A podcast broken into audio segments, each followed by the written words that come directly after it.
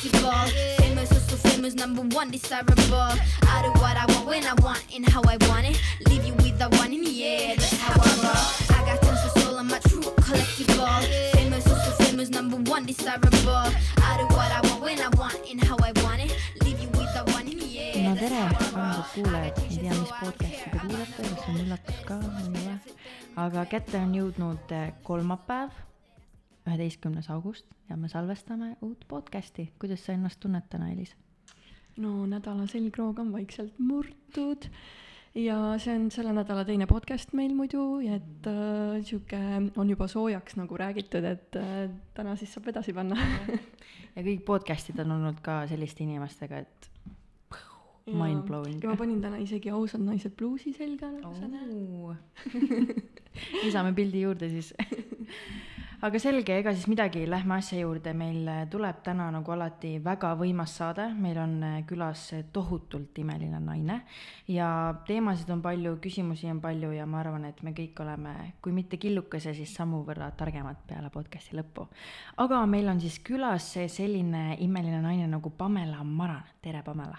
tere, kuidas sa ennast täna tunned?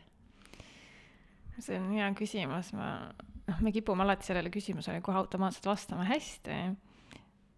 aga kui päriselt vastata, siis peaks natuke võtma aja maha ja, ja tegelikult vaatama enda sisse, sest, sest nagu ma ka kirjutasin eelnevalt, et mis on see võti selle kontakti juurde iseendaga, siis on see ausus.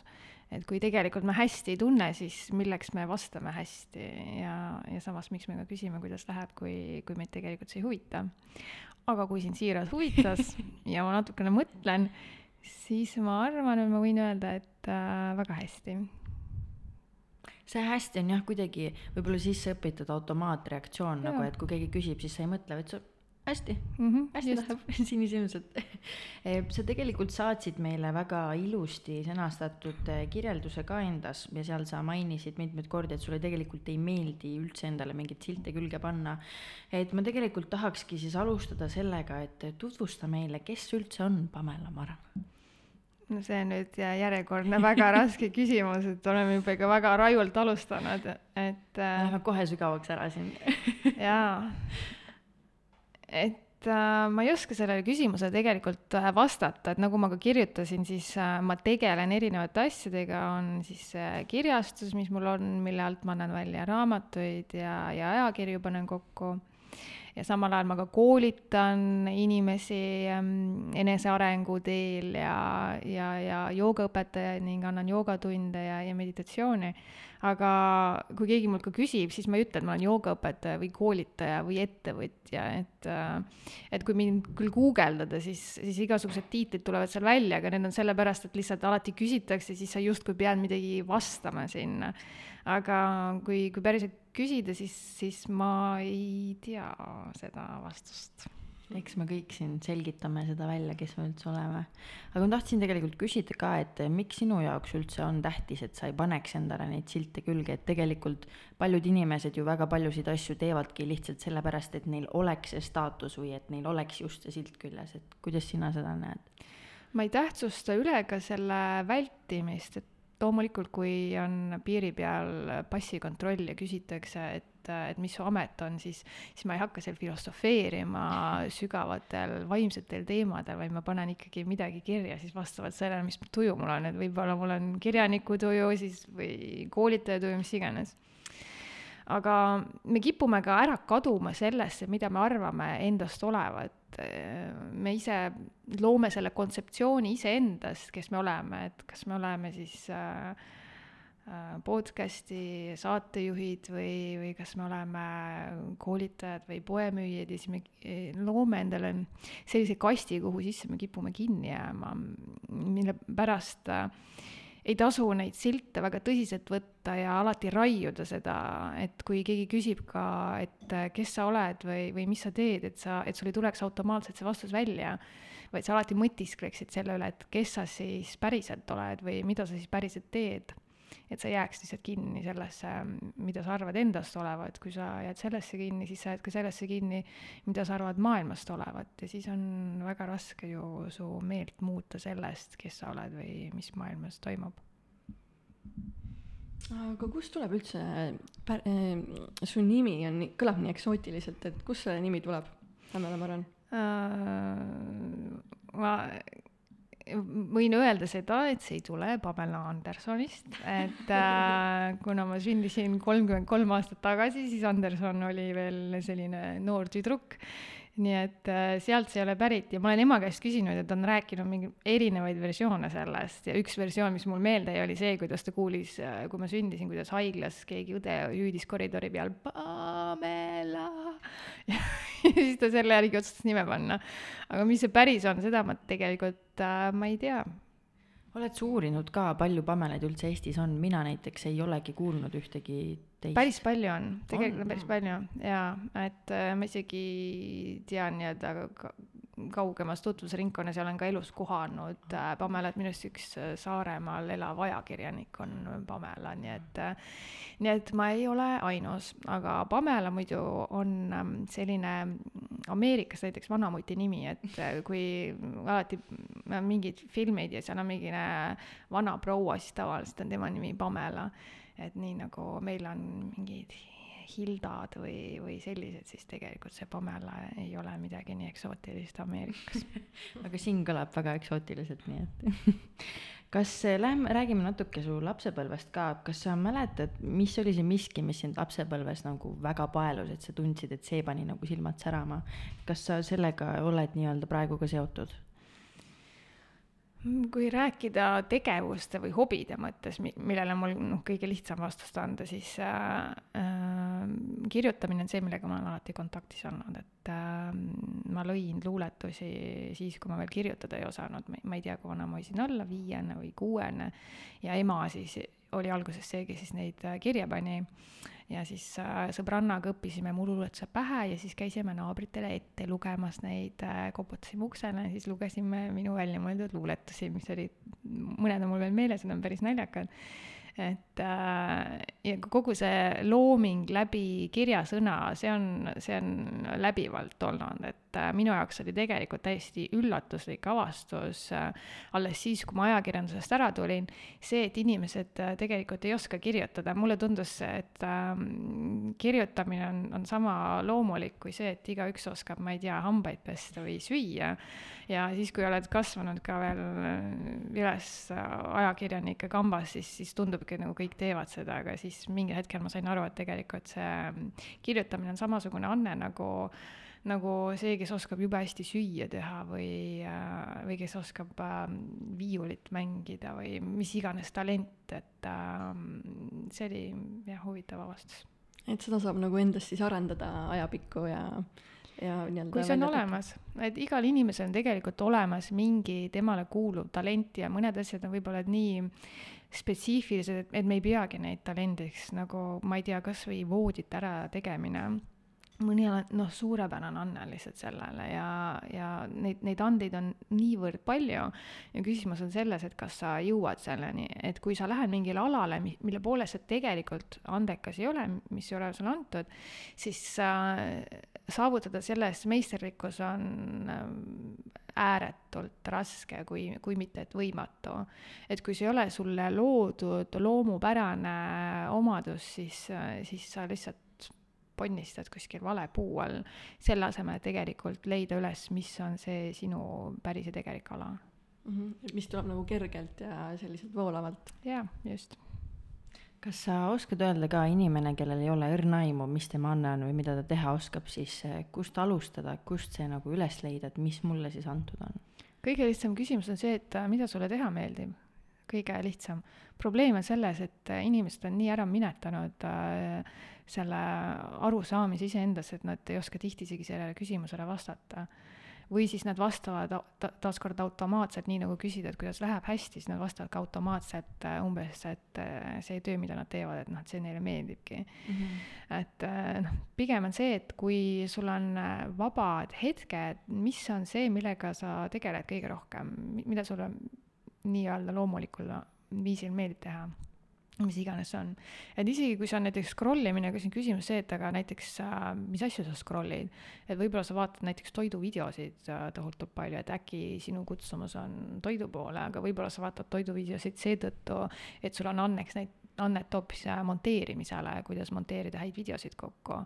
et äh, seda välja selgitada, selleks äh, on vaja taaskord võtta see hetk maha, istuda ja, ja mõtiskleda, et äh, mis on see, mida sa teed äh,, mis sulle meeldib ja mis selle all on. kas on, ongi see mingi toidu valmistamine või monteerimine või, või helidisain või, või mingi viies asi hoopis? mis oli väiksena sul või noorena, kui sa olid, et äh, suurim unistus, kas sa oled selle nüüdseks täitnud ka? suurim unistus või? mul oli neid äh, õige mitu, ma mäletan jumala selgelt, et kui ma olin äkki üheksa-aastane, siis ma panin endale päevikusse kirja, et tahaksin saada kirjanikuks. et äh, aga ma tean seda, et ma väga kaua aega tahtsin äh, näitlejaks saada ja plaanisin ka minna näitlemist õppima et äh, võib-olla see on nüüd mingi fantaasia ja uhuu-jutt, aga, aga mingil hetkel ma tegin sellist äh, mineviku vaatlemist, eelmiste elude vaatlemist ja siis äh,, siis ma nägin seal, et ma olin üks äh, kaabuga ja mantliga mees, see oli äkki kuskil viiekümnendatel ja ja, ja siis ma nägin, mida ma tegin ja siis äh, ma teadsin, et ma tegelesin näitlemisega ja mul oli hullult palju naisi ja ma suitsetasin.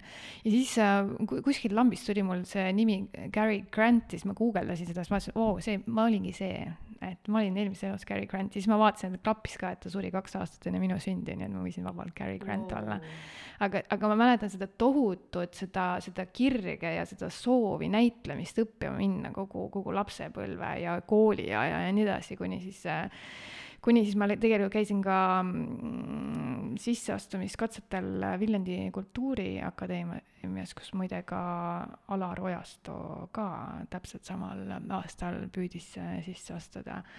Ja, aga ma ei läinud järgmistesse voorudesse, sest ma tegin hoopis äh, ratsionaalse valiku selle asemel, nii et äh, sinna jäi see unistus, aga ma ei kahetse absoluutselt seda ja tee juhatas mind täpselt sinna, kuhu ma pidin minema ma nii samastun, ma mäletan, nii kaua, kui ma üldse mäletan kuskile kaugele, siis ma olen alati tahtnud näitlejaks saada, alati. ja mul oli nagu kindel plaan, et niipea kui ma saan, siis ma lähen lavakasse, ma ei teadnud elus nagu mitte midagi muud kindlamat, et see on see. aga see kuidagi, ma ei tea, vahepeal juhtub, et elu läheb nagu muusse kohta ja ma ei ütle, et mind praegu see nagu ei huvita, aga ma tunnen, et elu tegi nagu siukse loomuliku tee andis nagu juurde, et see pidigi nagu minema nii, aga samas kunagi ei tea mm. -hmm. aga, aga lähebki. et äh, kui me jääme väga kinni sellesse, mida me arvasime, et me tahame, siis, siis jääb sellest kahetsus, et, et justkui sa elad nüüd elu, mida sa ei pidanud elama. et äh, minul pole absoluutselt mingit kahetsust ja, ja ma isegi väga hästi ei mäleta neid, seda igatsust ja seda unistust, et äh, ma tean lihtsalt, et see oli mingi etapp minus mm. -hmm. et äh, ma olen ikkagi väga tänulik sellele, et äh, toona, kui ma olin kaheteistkümnendas klassis, siis ma valisin armastuse, sest ma teadsin, et kui lähed õppima näitlemist, siis ei ole võimalik äh, seejuures kõrval mingit äh, suhet kellegagi hoida, nii et kuigi see suhe sai läbi, siis, siis aga see toonane otsus lükkas nagu sellele teele, kus ma praegu olen. Aga noh, tuleb järelikult lapsepõlve ikka kuulata, kui sulle meeldis kirjutada ja praegu sa seda teed väga edukalt, siis äh, meie sisemisel lapsel on ikkagi õigus. aga kui sa nagu peaksid üldiselt kirjeldama, milline su lapsepõlv üldse oli? Teil on ikka täna nii raskeid küsimusi. meil on tegelikult et, niipidi, et see läheb lihtsamaks nagu et äh, ma me, mida aeg edasi, seda vähem ma mäletan minevikku, et äh, ma olen üsna palju ära unustanud äh, nii lapsepõlvesündmustest kui ka, kui ka isegi mingi kümne aasta tagustes sündmustes. et ma just eile äh, käis isa mul külas ja siis äh, ta rääkis äh, minu pulmadest, mis oli kaksteist aastat tagasi, ma olen nüüd muidugi lahutatud aga kui ta rääkis sellest, mul oli endine abikaasa ka kõrval, siis äh, mul oli täiesti mäluauk sellest äh,, sellest tseremooniast ja kõigest ja ma mõtlesin, et kas sellised asjad toimusidki või? et ma ei mäletanud, et äh, ma mäletan lapsepõlvest äh, üksikuid, üksikuid asju. Ja noh, paratamatult on see, et äh, kuskil mälusopis on need kõik olemas, alateadvuse tasandil on kõik sündmused äh, olemas et ähm, mida laps mä-, mäletab ja mis tal eriti teravalt meelde jäävad, on ikkagi traumaatilised sündmused, et mäletan äh, vanemate kaklemisi ja, ja karjumist pidevalt, mis kodus oli ja ja mingil määral ka füüsilist äh, vägivalda ja, ja kõike seda, aga kuna minu jaoks on need asjad on nagu need nii ära lahendatud, siis äh,, siis ma ei saa isegi öelda, et oo, ma olen neile andestanud, sest, sest see ütlemine iseenesest viitab sellele, et, et noh, et tegelikult mingi, mingit asja sa sellest endiselt vead kaasas ja sul on vaja kogu aeg seda mantrat korrata igal pool, et kui väga sa oled andestanud. aga reaalselt, kui, kui see on sinu jaoks nagu ära lahendanud, lahendunud, siis ongi see, et sa väga ei mäletagi enam neid asju. loomulikult mul oli ka see periood, kus äh, kus ma rääkisin sellist oma kangelaslugu, kui, kui keerulisest äh, äh, minevikust. Ma olen tulnud äh,, vaesuses kasvanud ja, ja vanemad kraaklesid ja küll sai rihma ja vitsa ja nii edasi, nii edasi, aga, aga nagu see lugu nagu ei teeni mind enam, et ta nagu, ma ei seosta seda praegu väga selle inimesega, kes ma praegu olen. Ja, ja väga üksikuid seikasid ka veel mäletan ja minu jaoks lihtsalt oli mingi episood ja kõik. kas sa kuidagi teadlikult siis kustutasid nii-öelda enda mälust selle ära, et nüüd mul ei ole nagu neid äh, vaja mäletada või nad iseenesest ajapikku lihtsalt ununesid? ajapikku jaa, ega, ega seda seda lugu, mida ma endale rääkinud olen, seda, et noh, et, et raske lapsepõlv ja ei mõistetud ja, ja kakeldi ja nii edasi, et ma, ma rääkisin seda ikkagi pikki aastaid.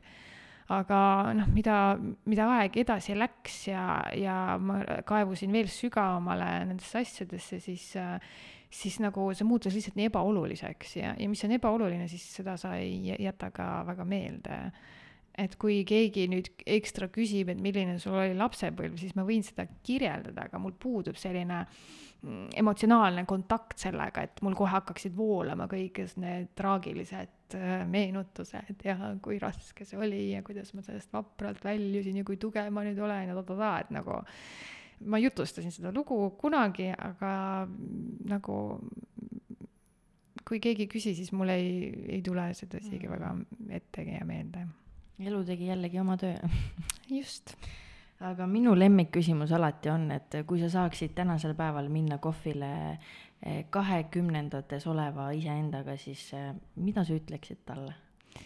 Mulle on meeldinud ka see küsimus, et kui sa saad korraks minna selle oma kahekümnese enda juurde ja sul on võimalus talle öelda ainult äh, kolm sõna, siis äh,, siis ma üks hetk mõtlesin selle välja ja ma ütleks kaks sõna, ma ütleksin hakka mediteerima. Mm.. kui peab olema kolm, siis ma ütleks kohe.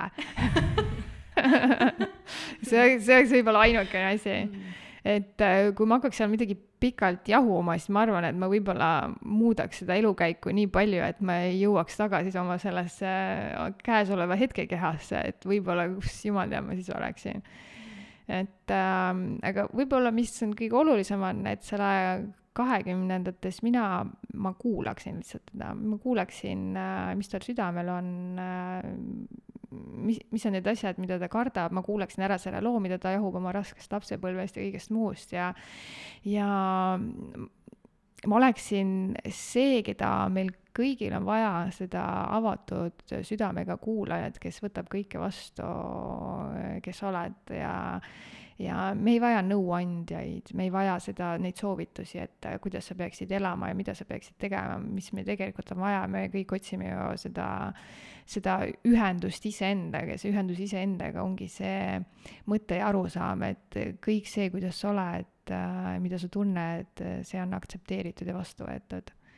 ma arvan, et see on kõige olulisem, kui kohata mineviku mina see on nii ilus, ma tegelikult ei olegi varem kuulnud, et keegi ütleks, et mitte ma ei räägiks temaga, vaid ma kuulaks teda. et praegu mm, -hmm. kui isegi mõelda nagu tagasi, siis oleks ka tahtnud, et keegi kuulaks, mitte ei oleks öelnud, et sa teed seda, seda, seda valesti mm. -hmm. et äh, väga ilusti sõnastatud. ja võib-olla me olime siis nagu nii äh, oma peas kinni ja ketrasime ühte asja, me ei kuulanud tegelikult, ei tunnetanud, mis meil siin üldse sees toimub. mis see tähendas üldse küsin seda ka, mis sina arvad, kas sellel on mingi, ütleme, kindel loogika, et kuidas ja mis määral siis lapsepõlv inimesi erinevalt mõjutab? et ma siin pikalt ei hakka rääkima, aga lihtsalt mina tean kahte inimest, kellel on olnud üks-ühele sama nagu lapsepõlv, nad on siis õed. ja üks on sellest eh, minevikust hästi raske lapsepõlv, üks on sellest siis teinud oma tugevuse, et tänu sellele siis ta kasvatab oma lapsi teistmoodi, kui tema vanemad tegid ja on oma unistused täitnud, eesmärgid, aga teine on siis nagu kimpus ikkagi selles samas, et tal ei õnnestu midagi, ta ei saavuta midagi lihtsalt sellepärast, et ta on minevikus kinni, et temaga koheldi nii. et kuidas need siis nagu inimestele niivõrd erinevalt saavad mõjuda? No sellele küsimusele võib vastata mitmel moel, et äh, üks on see, et me võime rääkida siin geenidest, et, äh, et isegi ka ju kaksikute puhul on neid erinevusi. Et äh, ja ka sama perekonna laste puhul no, kasvavad samas keskkonnas, aga, aga ma ei tea, ühest tuleb narkar ja teisest tuleb edukas äriinimene, et see on üks viis, kuidas me võime seda selgitada kui, kui ma selgitan oma arusaamiste ja uskumuste järgi, siis, siis minu jaoks on see, et hinged on meil ikkagi erinevad. mis tähendab ka seda, et hingede teekonnad on olnud erinevad, et kui mina olin eelmises elus, ma ei tea, Gary Grant, siis võib-olla mõni tüüp oli, ma ei tea, mõrtsukas või vastupidi, oli USA president. et ja kui me võtame nüüd selle keha, mis meil on käesolevas elus, siis me võtame tegelikult kaasa ka mingil määral nende eelnevate elude karmad ja, ja samal ajal ka esivanemad vanemate karma ja, ja kes võtab, ma ei tea, vanaisa liini, kes võtab vanaema liini, ja siis vastavalt sellele hakkab ka see ülejäänud elu kulgema et, et noh, sellest on ka teadlased aru saanud, et, et see keskkond ei ole ainus mõjutaja, et äh, ei piisa enam sellest, et me üritame teaduse abil kõike lahti selgitada, sest teadus kõike ei ole veel suutnud äh, lahti muukida. seda muidugi juba on nähtud, et, et, et tegelikult äh, mingid eelistused või hirmud saab edasi kanda põlvest põlve, et ma ei väsi toomast seda katset hiirtega, kuidas siis äh, hiirtele lasti puuris kirsilõhna ja anti samal ajal elektrišokki ja siis iga kord, kui nad juba, juba tundsid kirsilõhna, siis neil tekkis stressireaktsioon. noh, see on ise, iseenesest loogiline Pavlovi refleks, aga huvitav oli see, et ka järgnevatel kui ka ülejärgnevatel põlvedel tekkis stressireaktsioon kirsilõhna peale, kuigi neile mitte kunagi seda testi polnud tehtud. ehk siis saadi sellest aru, et, et noh, et mingid, mingid hirmud ja, ja, ja muud äh, reaktsioonid on äh, nii, nii-öelda geneetiliselt edasikantavad et äh, noh, see mini-, mõningaid asju me suudame juba välja selgitada ja teaduse abil, aga, aga mingis osas võib-olla aitab meil ka sellest filosoofiast, et, et ongi meil erinevad hinged ja erinevad teekonnad.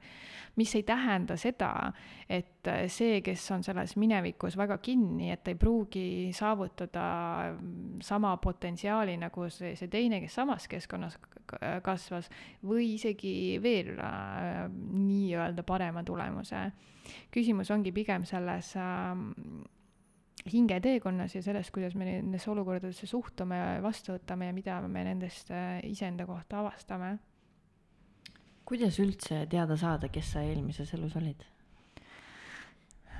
See on nüüd selline mõnus uhuu küsimus kui, kui ma soovitaksin inimestele, mis, mis on põhiline asi, kuidas me pääseme alateadvusele ligi, siis on see ju sügavas lõdvestusseisundis, et sügavas lõdvestusseisundis tegelikult ju tehakse ka teraapiaid ju selle kohta, et et mis sul lapsepõlves juhtus ja mida sa mäletad sellest ja nii edasi, et kui sa ise arvad, et sa ei mäleta, siis selles sügavas lõdvestusseisundis siis sa hakkad nägema mingeid pilte ja nii edasi. et samamoodi on olemas ka selline teraapia nagu tulevikuteraapia, kus sa saad liikuda ka tulevikku edasi ja saada selle tule-, tuleviku kohta vastuseid.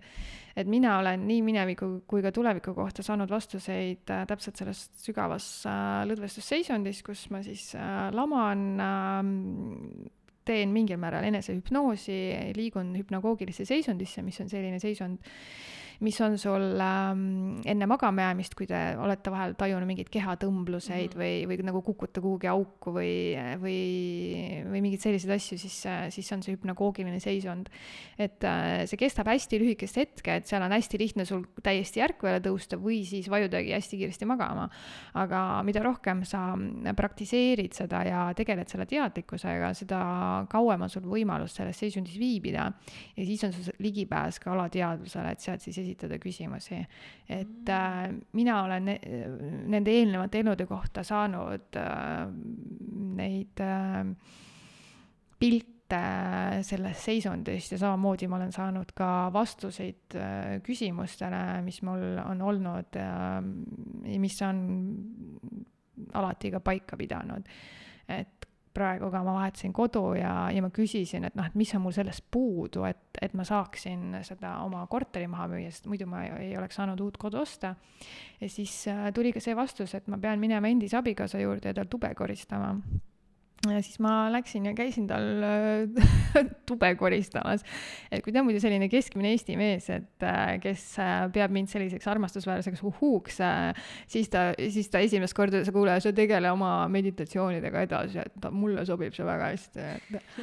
aga siis ma käisin ja praktiliselt mõned päevad hiljem siis tekkisid ka korteri potentsiaalsed ostjad, kes ka ostsid ära ja, ja mul õnnestus uus kodu soetada, aga selliseid juhtumeid juhtumeid on mul olnud veel ja veel.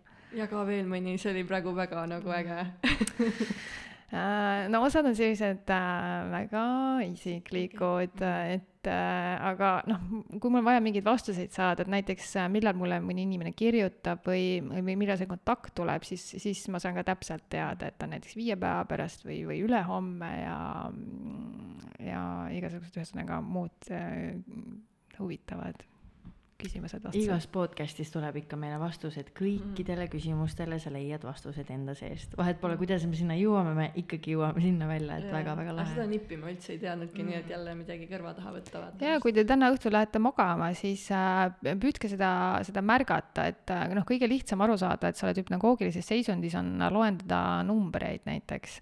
et kui see, see numbrite loendamine läheb sassi või, või sa tunned, et sul mingi tohutult palju tekib, ma ei tea, mingeid mõtteid peale, mida sa ei suuda kontrollida, siis tegelikult on see hüpnagoogiline seisund mm.. et kui sa ei suuda järjest loendada, siis, siis oled sa selles õiges kohas ja siis sa selle järgi saad sellest teada, et noh, alati ei pruugi seda mingit kehadõmblust tulla, aga, aga kui numbrid sassi lähevad, siis, siis on this is it ja siis on sul väga lühike aeg, et mingeid küsimusi esitada, sest kui sa vajud veel sügavamale, siis need vastused muutuvad väga segaseks. ehk siis sa nagu pead ise ära tunnetama, et sa nüüd oled seal magamise äärel ja siis nagu reageerima, et siis sa küsid Just. ja siis tuleb see vastus.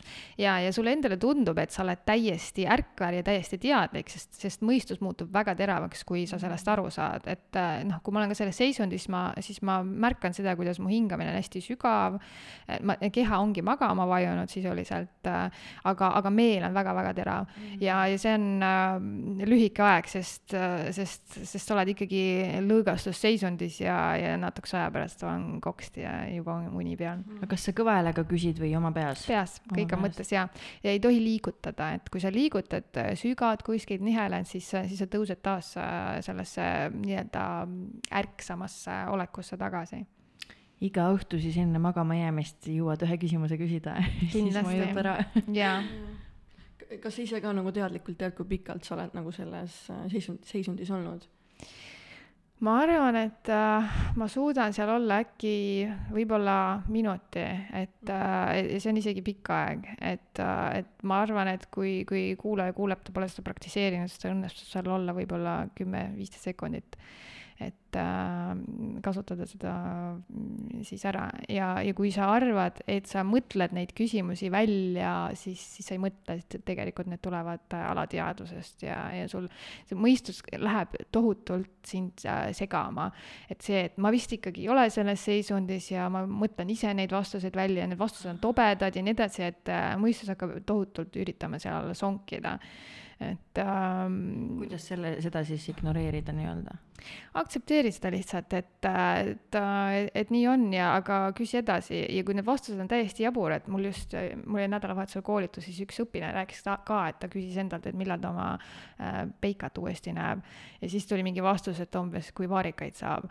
ja siis ja siis, kui, kui ta ütles, et kusjuures siis tol päeval ta, ma ei tea, kõndis ringi, siis avastas kuuri tagant olid järsku vaarikad tohutult vilju hakanud kandma, siis ta noppis neid seal ja siis ülla-ülla ilmus peikaga välja, et et ei ole midagi, need vastused imelikud. Jaa, ei ole, nii et kui saadetakse endise abikaasa juurde tube koristama, siis jookse, mine. hari kaasa. Ja just. Vau, see on küll, tundub olevat sihuke mingi life hack nagu Simsis saad koodi sisse panna, vaata. ongi, et sisuliselt miks mi,, tegelikult äh, noh, millest, mida ma kirjeldasin, see on jooga niidra ehk joogalik uni, teadlik uni, kus, mida kasutatakse tegelikult just nimelt alateadvuse häkkimiseks, et, äh, et kui sul on mingi sügav südamesoov, siis iga kord, kui sa jõuad sinna seisundisse, siis sa ütled seda oma südamesoovi. see peab olema mingi asi, mis on seotud sada protsenti sinuga, mitte midagi materiaalset, mina ja oleviku vormis, näiteks kui sa oled haige, siis sa ütled, ma olen täiesti terve. et iga kord õhtul, kui hakkad ära vajuma, saad aru, et sa oled selles seisundis, siis sa ütled, ma olen täielikult terve, et kogu aeg ühte sedasama programmi lased omale alateadvusesse. sest lõpp, lõppkokkuvõttes kõik ähm, otsused, mida sa teed, äh, see, et otsustasite mind siia kutsuda, siis tegelikult see otsus ei tulnud sel hetkel, kui see teil teadvuse tasandile kerkis, vaid äh, alateadlikul tasandil. Äh, aju paneb kokku erinevaid versioone, kombineerib, analüüsib ja siis mingil hetkel kerkib see teadvuse tasandile ja siis sul tekib see tunne, oo, mul nüüd tuli idee, kuigi tegelikult su alateadvus on tegelenud erinevate versioonidega juba ammu. see, millist toitu sa tellid menüüst või see, kellega sa suhtesse lähed, on sisuliselt eelmääratud juba sinu alateadvusest äh, tulenevalt. see, mis ma räägin, on neuroteadus, see ei ole üldse nagu mingi mhm. uhuu teema, et kui -hmm. teid huvitab, siis vaadake, lugege raamatut äh, David Eagleman Aju ja ta selgitab sellest seal äh, põhjalikumalt lahti. ja ma olen sellest kuulnud ka. ja, ja sisuliselt ongi see, et kui sa suudad ümber programmeerida oma alateadvust, siis hakkab loomulikult sinu teadlik meel ka tegema teistsuguseid otsuseid. ehk siis kogu nagu häkk ongi selles alateadvuses, et inimesed, kes kuulavad praegu seda sa-, äh, saadet, siis tegelikult äh, mina tegelen teie alateadvuse ümberprogrammeerimisega läbi selle teksti, mida ma räägin, äh, raamatud, mida te loete, filmid, mida te vaatate, uudised, mida te loete, siis kõigest sellest moodustub uus alateadvuse programm, mis ühel hetkel siis saab avalduda mingi niinimetatud teadliku otsusena, mis tegelikult ei ole teadlik mm. -hmm. Läheb kompotiks kokku ja see muutub ka ju kogu aeg. just, muutub. kas sa oled ka teinud niimoodi, et äh, enne magama minekut oled pannud käima äh, noh, mingisuguse audiofaili, kus on siis äh, loetud äh, oleviku vormis siis need laused, mida sa tahad endale alateadvusesse saada äh,? ei, kuna kuna ma ise olen jooganiidrat äh, aastaid õpetanud ja ma tegelikult praktiseerin seda peaaegu neli aastat äh, peaaegu igapäevased, siis, siis noh, mul on hästi lihtne aru saada sellest, et see on hüpnagoogiline seisund ja, ja et mida ma seal teen, et ma esimesed aastad äh, ma sisestasin programmi, ma arvan, et see progr-, programm toimib ja mul ei ole vaja sellega nagu midagi teha, mul ei ole vaja mm. korrutada seda enam. ja, ja täna samamoodi mul on see minu lõunatoiduaeg, kus ma teen äh, seda niidrat, siis äh, ja siis ma jõudsin sinna seisundisse, siis ma mõtlesin, mida ma küsin, siis ma sain aru, mul ei ole mitte midagi küsida küsida ka et kõik nagu on, kõik on nagu okei okay,, et mm. ja ma sain ka sellest aru, et, äh, et viimane kord, kui mul oli väga palju küsimusi, oli siis, kui ma olin tohututes äh, hingelistes kannatustes. et ja siis ma sain aru, et, et see hästi sügav eneseõppimine ja asjadest arusaamise soov tekibki ka inimestel, kes kannatab väga. et äh, tänasel päeval ma olen vaimus ja südames hästi rahulikus kohas ja, ja siis mul oligi veidi kurb, et mul ei olnud mitte midagi küsida, mul ei olnud mitte midagi uurida, et nagu kõik on okei okay ja, ja selline hinge sügavuste otsimine on praegu mõneks hetkeks kuni järgmise kannatuseni on pausil. pausil, aga kas need, mis, kas need on afirmatsioonid või, või no see, mis mm -hmm. ütlesid, need laused, kas need nagu reaalselt toimivad ka, et sina küll ei kasuta, aga keegi, kes ei oska seal seisundis veel nii hästi toimetada, kas see on siis ütleme samaväärne, et kasutada neid videosid? Ma isiklikult arvan, et kui sa oled äh, täiesti ärkvel ja teadlik äh, siis äh, jahuda mingit asja, mida sa südamest ei usu, et see, et see ei toimi, sa pigem tekitad lõhet selle enda mm, tegeliku olemise ja, ja, ja mõistuse vahel, sest mõistus samal ajal, kui sa ka kordad äh, seda, et näiteks ma olen terve, tegelikult sa tunned ennast haigena, siis, siis, siis on see, tekib see error, et mm, -hmm. et noh, mhm. et tegelikult mul on nii, aga ma väidan endale midagi teisiti, et, et noh, et seesama teema, et laps tahab nutta, aga ema ütleb talle, et aga, aga naerata, aga see ei ole loomulik et äh, mistõttu on ka öeldud jooga nidra puhul, et, äh, et seda sankalpat, seda sügavat südamesoovi, äh, selle sa pead avastama. et see ei saa mingi selline asi olla, et sa mõtled seda teadliku meelega välja, et ma tahaks midagi saada, siis lähed sinna seisundisse ja hakkad siis seda korrutama ja siis mingi, ma ei tea, nädala pärast tahad hoopis mingit teist asja, siis sa muudkui vahetad seda. et pigem on see, et praktiseeri seda teadlikku lõdvestamist ja, ja sinna alateadvuse tasandile jõudmist ja siis lase kerkida selle südamesoovil, et mis on tegelikult see, mis on sinu kõige sügavam soov ja siis alles hakka seda, seda korrutama. mitte see, et sa, ma ei tea, oled äh, vaene, loll ja haige ja siis sa korrutad muudkui, ma olen terve ja tark ja rikas ja mm -hmm. midagi muud. mul oli sihuke kogemus, äh, kui ma endale ikka kannatasin, kannatasin reaalselt ja siis lasin endale iga õhtu, aga mul tekkiski see vastuolu, millest me just siin rääkisime.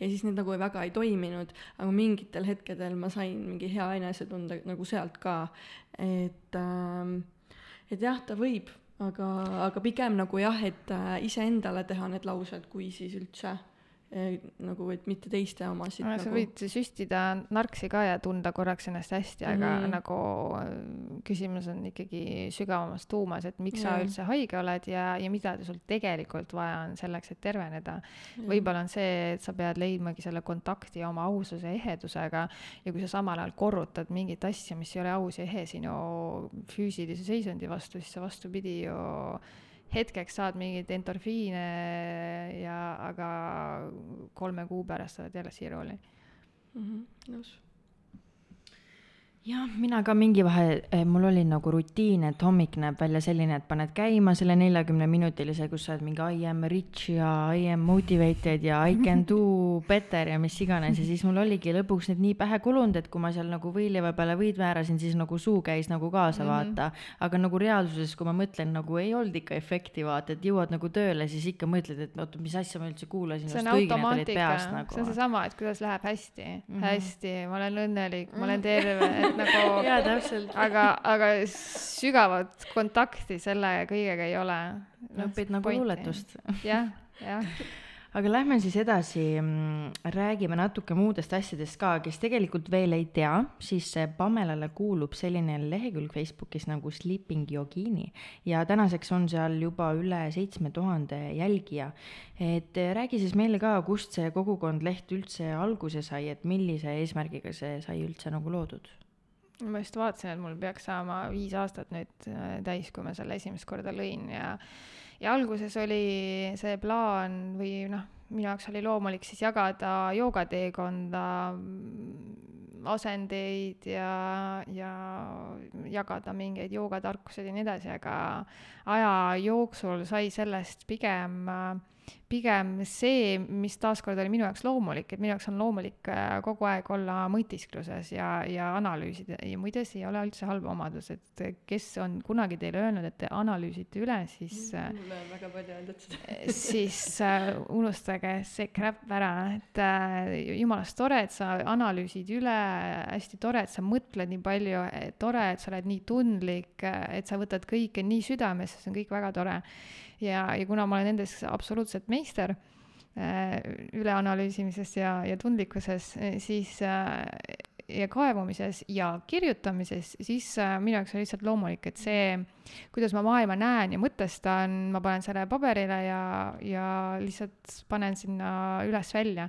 ega kui ma ei tea, internet lendaks õhku, aga ma kirjutaks ikkagi edasi neid samu mõtisklusi lihtsalt siis paberile ja pliiatsiga et äh, ja, ja tuli siis välja, et ähm, aja jooksul inimesed tunnevad ja mõtlevad äh, samamoodi, on samasugused ähm, hellad ja õrnad ja armastavad nagu, nagu minagi ja, ja aja jooksul need muudkui on, on kasvanud ja, ja kasvanud. et ähm, kaks aastat tagasi, kui äh, võib-olla inimestel on lihtsam mõista äh, sõna depressioon, minu jaoks see ei olnud depressioon, minu jaoks oli see hingepime öö ja mingi murranguline protsess, et siis ma hakkasin väga palju kirjutama, et iga päev. Ma, ma, mul ei olnud mitte mingisugust jaksu ega tahtmist mitte midagi teha juuste kammimisest või, või millestki muust rääkimata, aga ma kirjutasin ja see oli minu jaoks justkui, justkui hingamine ja sellel perioodil äh, tekkis tohutult palju inimesi juurde, et, äh, et siis, siis tekkis selline hüpe äh, tuhandetega ja, ja need inimesed tulevad muudkui juurde, mida sügavamale ilmselt mina jõuan iseendas, siis, siis, siis neil tekib ka see, et jaa, nad on seda tundnud, aga nad pole osanud seda kuidagi väljendada või sõnadesse panna. aga kust üldse selline nimi tekkis? No viis aastat tagasi mul paremaid ideid ei olnud. Et, äh, et sleeping yogini, noh, sleeping yogi on tegelikult üks joogapoos, on see kaks jalga kaela taga, mis, mida mul kunagi hirmsasti meeldis teha, et see on niisugune, ma ei tea, peotrikk, et ma ei tea, paned kaks jalga kaela taha, oo nii äge ja et äh, siis, äh, siis oli see väänamine ja paindumine oli minu jaoks selline noh, nii-öelda põhiosa ja siis, siis see nimi jäi, see, aga ma vaatan, et see on mõnes mõttes nagu tähendusrikas, et me oleme kõik sellised äh, magavad jogiinid, kellel on tegelikult äh, potentsiaal ärgata ja, ja, ja näha seda maailma ja tegelikkust äh, kõigis on see olemas ja nii et teenib veel täna ka see nimi tihtipeale ju ongi, kui midagi alustad, siis sa paned, meh, paneks sellise nime, aga see ongi see, mis lõpuks nagu jääb sinu nii-öelda selleks brändi mär-, märgiks nagu, et praegu sa ju ei kujutaks ette, et sa seda nagu muudaks. Ma, ma ei ole kusjuures, ma ei välista seda mm, et, et äh, võib-olla kunagi teatakse mind ainult Pamela Maranina ja mõni hüüab mind juba Pam Tassiks nagu Ram Tassiks, et äh, võib-olla kunagi on mu nimi, ma ei tea, laua jalg üldsegi, et nagu taaskord ma ei püüa, ma püüan mitte kinni jääda sellesse, et, et noh, ja pigem nagu inimesed teavad, kui mind ikkagi praegu Pamela, Pamelana, et, et ega ma kuskil ei tutvusta ennast sleeping yogiinina tuleb see nimevahetus teha, ID-kaardil muudad ka ära, vaata. aga millega sa üldse siis igapäevaselt elatist teenid, et räägi meile võib-olla natuke oma igapäevaelust, et võib-olla osad meie kuulajad nagu ei teagi, et mis see siis on, mis sa nagu teed uh,? see on jälle üks keeruline küsimus, et ma ju tulin töölt ära kaks tuhat seitseteist, et uh, see oli minu viimane nii-öelda päris kontoritöö ja sellest ajast saadik ma olengi kirjutanud raamatuid, viis raamatut on välja antud ja viimased neist siis Eesti vanemade lood ja salatarkused ning Eesti vanaisade lood ja salatarkused, kus ma siis käisin üle Eesti erinevates külades, kohtusin saja kuuekümne kuue vanavanaemaga, panin siis kirja nende elulood sõjast ja küüditamistest ja, ja nõukogude ajast ja vanad retseptid ja vanarahva tarkused ja, ja ja kõik äh, muu, mis on seotud äh, selle vanavanemate põlvkonnaga, mis paraku varsti ajalukku hääbub.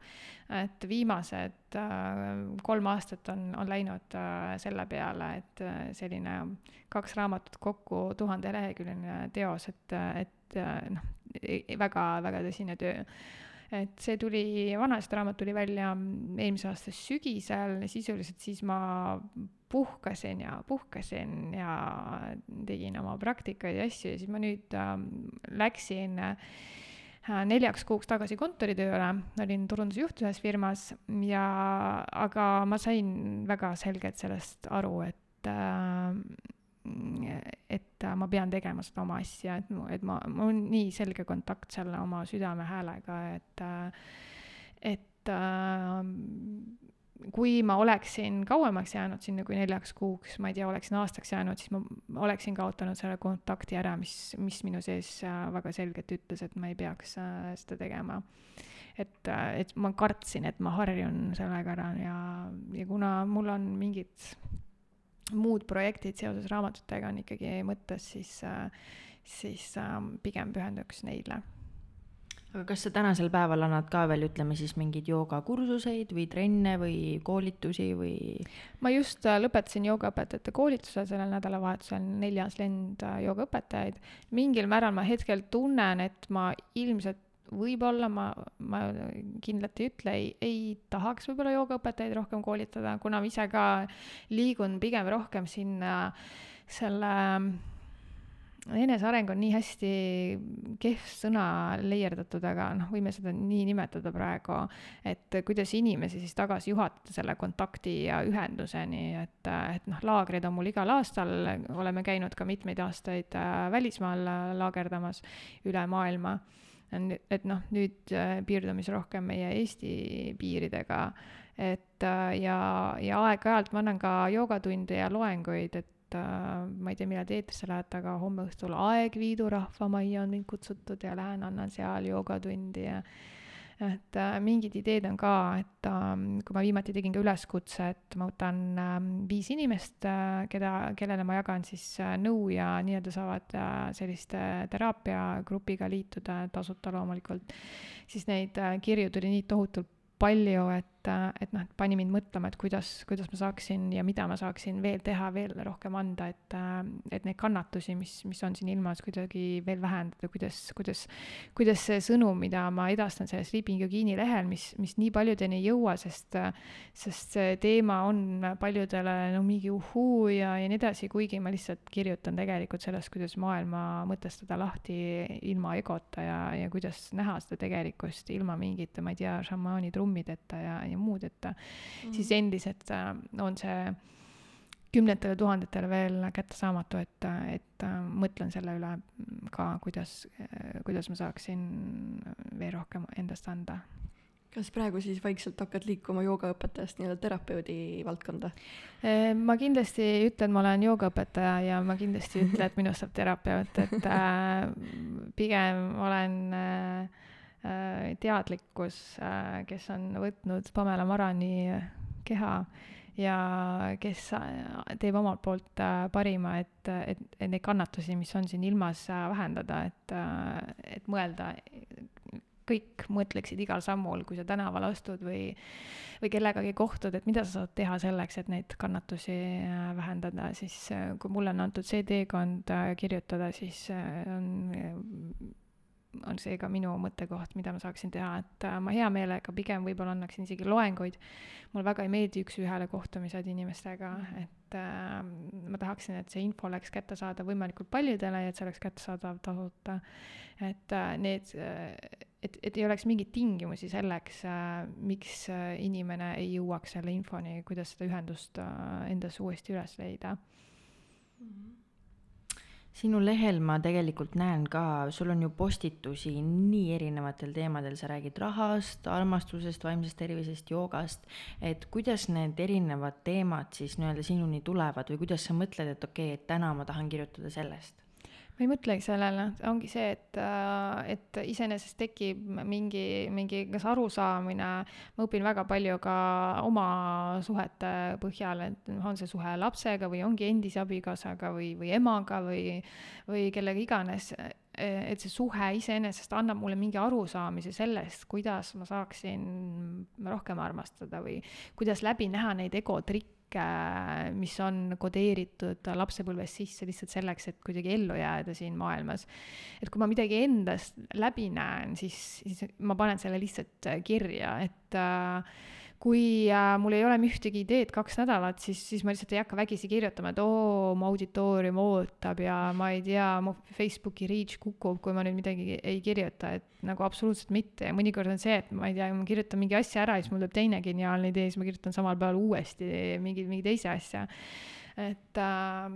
ühesõnaga, sa ei valmista neid ette niimoodi? ei, ei, et kui, kui eriti, kes satuvad peale, kui ma olen värskelt üles pannud, siis kindlasti leiab seal veel kirjavigu ka ja mingid muud sogast. mul on täpselt sama et äh, aga see on autentsus. aga kuidas sina siis, ütleme, igapäevaselt, kuidas ma sõnastan, hoiad ennast värskena nagu just teadmiste osas, et äh, ütleme siis õpid nagu uusi asju juurde või avanda, avardad siis enda maailmapilti või on sul nagu mingi asi, mida sa teadlikult selle jaoks teed ka?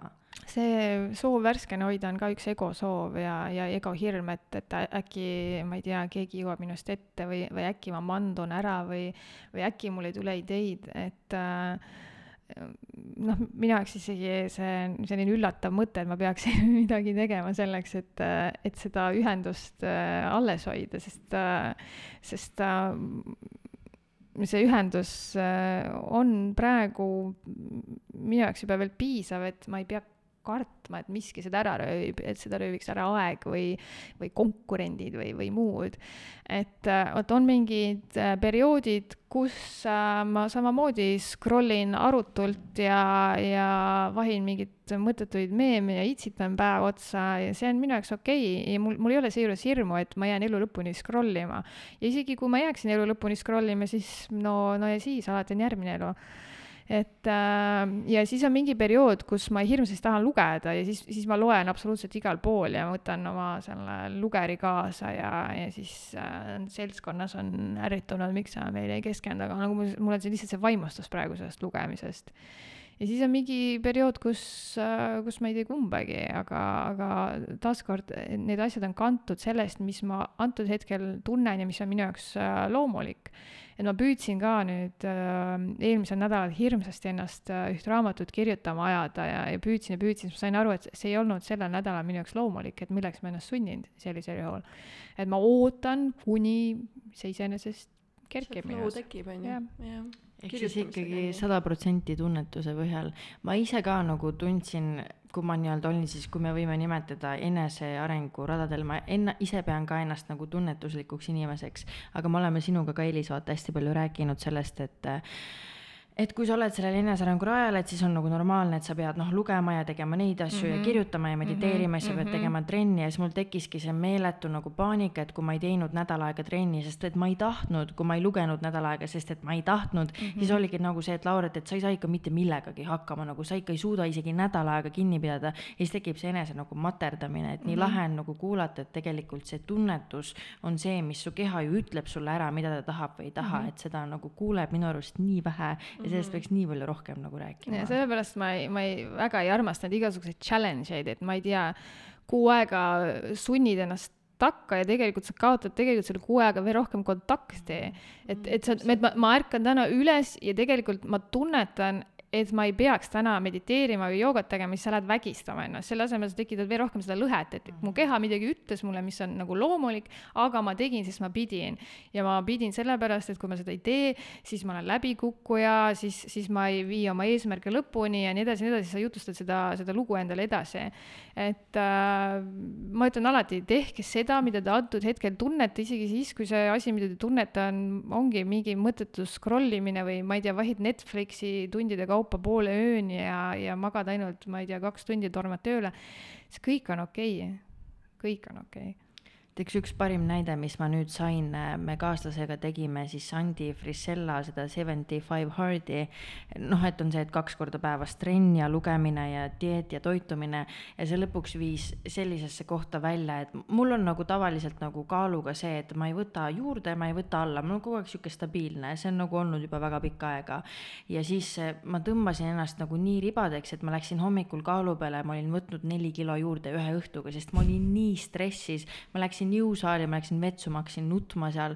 tavaliselt hommikul, kui ma ärkan ülesse, siis ma olen sihuke, et uus päev, ma olen nagu excited ja siis ma ärkasin hommikul üles, ma olin siukene, et ma tahan alla hüpata kuskilt, et see mõjus mulle nii vastupidiselt mm. ja siis ma ka nagu mõtlesin, et never again, et see võib olla mingi äge challenge, et siis, kui sa selle ära teed, siis sa oled edukas. aga ma teadsin, et kui ma selle päriselt oleks ära lõpetanud, siis ma ilmselt oleks Evaldis nagu. Aga vaata, see on jälle minu arust see, et äh, meesterahvas on selle teinud.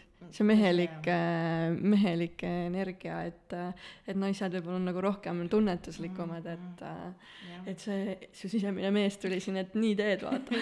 No nüüd on ka naiste challenge'id on samasuguseid, ma ei tea, naiselikkuse väljakutsed ja muud mm, asjad, et, et need kõik igasugused need väljakutsed, mis sunnivad sind mingeid asju tegema, isegi kui need on nii-öelda spirituaalsed asjad, mingi päeviku kirjutamine või, või mis iganes need lihtsalt tekitavad seda lõhet äh, juurde selle asemel, et kui ma ei tea, teeme väljakutset, sa ma ei tea, kuu aega järgid oma sisetunnet, ma ei tea, võib-olla siis see kolmkümmend päeva sa lihtsalt scroll'idki mõttetult ja siis nagu ongi see challenge, jess, sa tegid ära, sa tegid täpselt seda, mida sa tundsid antud hetkel. vaata kui äge, siis sul tuleb see saavutuse tunne ka, vaata, et oo, ma tegin ära, aga tegelikult vahet ei ole, mida sa see päev tegid. üliäge, peaks jah. tegema ausatest naistest kolmkümmend päeva, lihtsalt tee, mis tahad aga kui sa selle lehekülje, lehekülge alustasid, kas sa tegid seda kohe siis täiskohaga niimoodi, et sul ei olnud nagu mingit teist tööd, et et viis aastat tagasi mul veel olid ju mm, -hmm. Mhm. et äh, Ain Aqua spa turundusjuht. et äh, ja ega see ei võta mul ka praegu oluliselt aega, et mm. Et, et inimesed, kes kes ei ole kirjutamisega sina peal, ma tean seda, et nad vahel peavad tegema mingit, mingit paari lõigukest ja siis nad istuvad tund aega ja üritavad punnitada välja, kuidas seda sõnastada ja siis nad hakkavad seda sõnastama ja see on nagu tohutu vaevaline, aga minu jaoks nagu kirjutamine on on kolmkümmend minutit äh,, heal juhul tund aega, see on kõik ja, ja, ja that's it, et, et see, et see kirjutamine, see sleeping yogini, see ei ole nagu ajakulukas mm, -hmm. et kui ma liiguksin sinna mõistuslikule tasandile, kus ma püüan hakata välja mõtlema ja, ja, ja mis teemad me täna teeme, siis see loomulikult hakkab aega võtma. See, mis Jah. on loomulik, see ei võta aega. just, just, ma olen ka seda täheldanud ja mul nagu tuleb ka vahepeal neid ideid, et oh, tahaks sellest kirjutada, tahaks sellest kirjutada. aga ma olen eh, sama, samamoodi ka teises töökohas tööl täiskohaga ja siis mul nagu läheb see meelest ära ja siis mul jääbki lõpuks see sisu loomata seal ja siis mul ongi juba nagu ära vaibunud. et äh, kuidas võib-olla sa hoiad ennast joonel niimoodi, et, et ma ikkagi postitan sinna. tulin töölt ära sellega. nojah, ja, ja see ongi vaata mulle, mulle lihtsalt mingi kui su sisehääl ütleb sulle midagi, siis, siis, siis, siis on tavaliselt see, et sinu ego astub sinna vahele. okei okay,, sa tuled töölt ära, aga kuidas sa arveid maksad mm, -hmm. et äh, nii ja kuidas sa hakkama saad, aga sa ilmselt fail'id ju, siis äh, sul võetakse korter käest, sul pole kuskil elada, siis sa jääd kodutuks, siis, siis sul pole sõpru enam, sest sa oled selline rott ja sul ei ole riideid ja, ja siis sa ei saa süüa siis sa sured ära kurva üksi ja õnnetuna. okei okay,, davai, ma lähen homme jälle tööle ja olen oma sisetunde vastu et äh, noh, sul peab olema julgust teha see hüpe üle oma hirmude. kui sa tead, et sa järgid oma südant, siis su süda on see langevari, mis sind alati kinni püüab.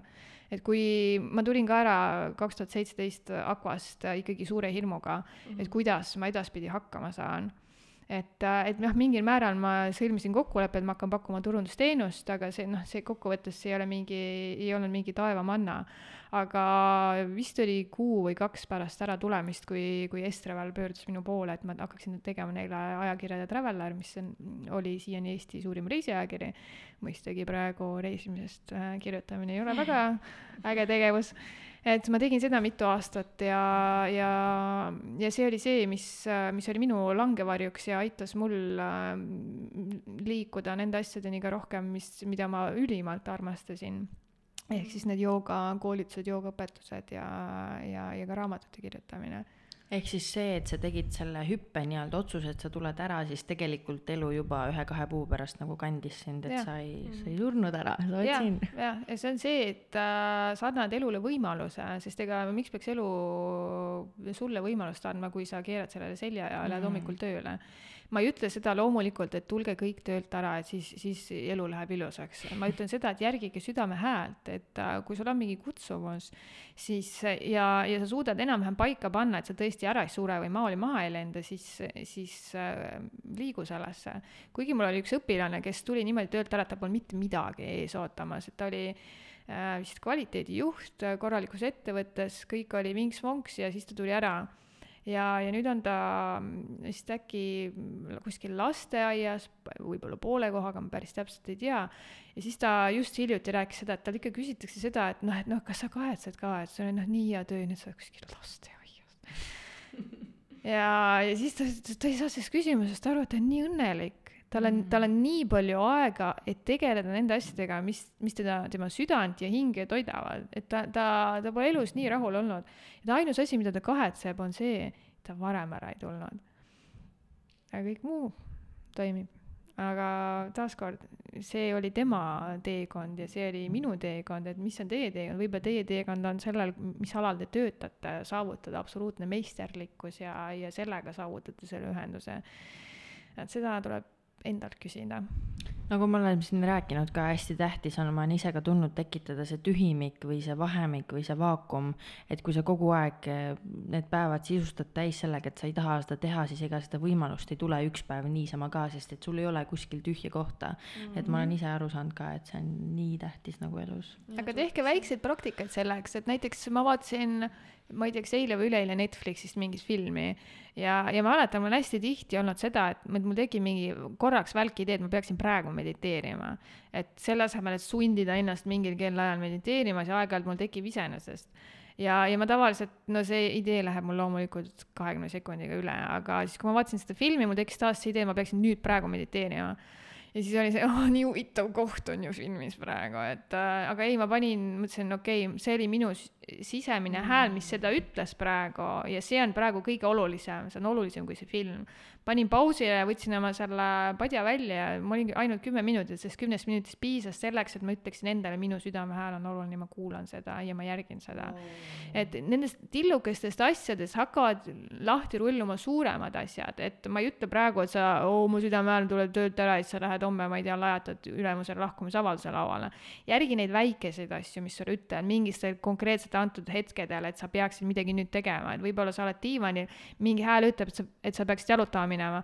aa, ma ei viitsi, ma ei tea, vihma, vihma sajab ja diivanil on mõnus istuda, et ei, aga, aga see üks hääl, mis sul korraks tuli, mine järgi seda, mine, mine tee seda nii vinge, see on ju nagu enda intuitsiooni treenimine ka, et ja. sa kasvatad seda lihast ja just see, mis sa ütlesid nii ilusti, et sa annad oma kehale ja südamele märku, et, et ma kuulan sind mm. -hmm. et nagu nii lihtne asi, mida teha mm, -hmm. aga mhm. nagu ja mul selle vihmaga tuli ka just meelde, et mõnikord ma olen vaadanud appi, nii äge sajab väljas, et tahaks tegelikult, tahaks tegelikult täitsa välja minna, vaata, aga siis mingi, aga siis mingi mingi, et oi, siin soe on jah, siin toas, et, et kükitan ja seal. kõik ikka. vaatavad, kui ma lähen vihma kätte ja ajan käed laiali ja ajan suu ammuli, aga, aga tegelikult see oli siis sinu sisemine laps, mis kutsus sind välja mängima, et tule vihma kätte palli jalu tantsima. sa oleksid pidanud minema, aga sa ütlesid talle, et ei, ei, meil ei ole aega täna ära tule selliste toterde ideedega välja.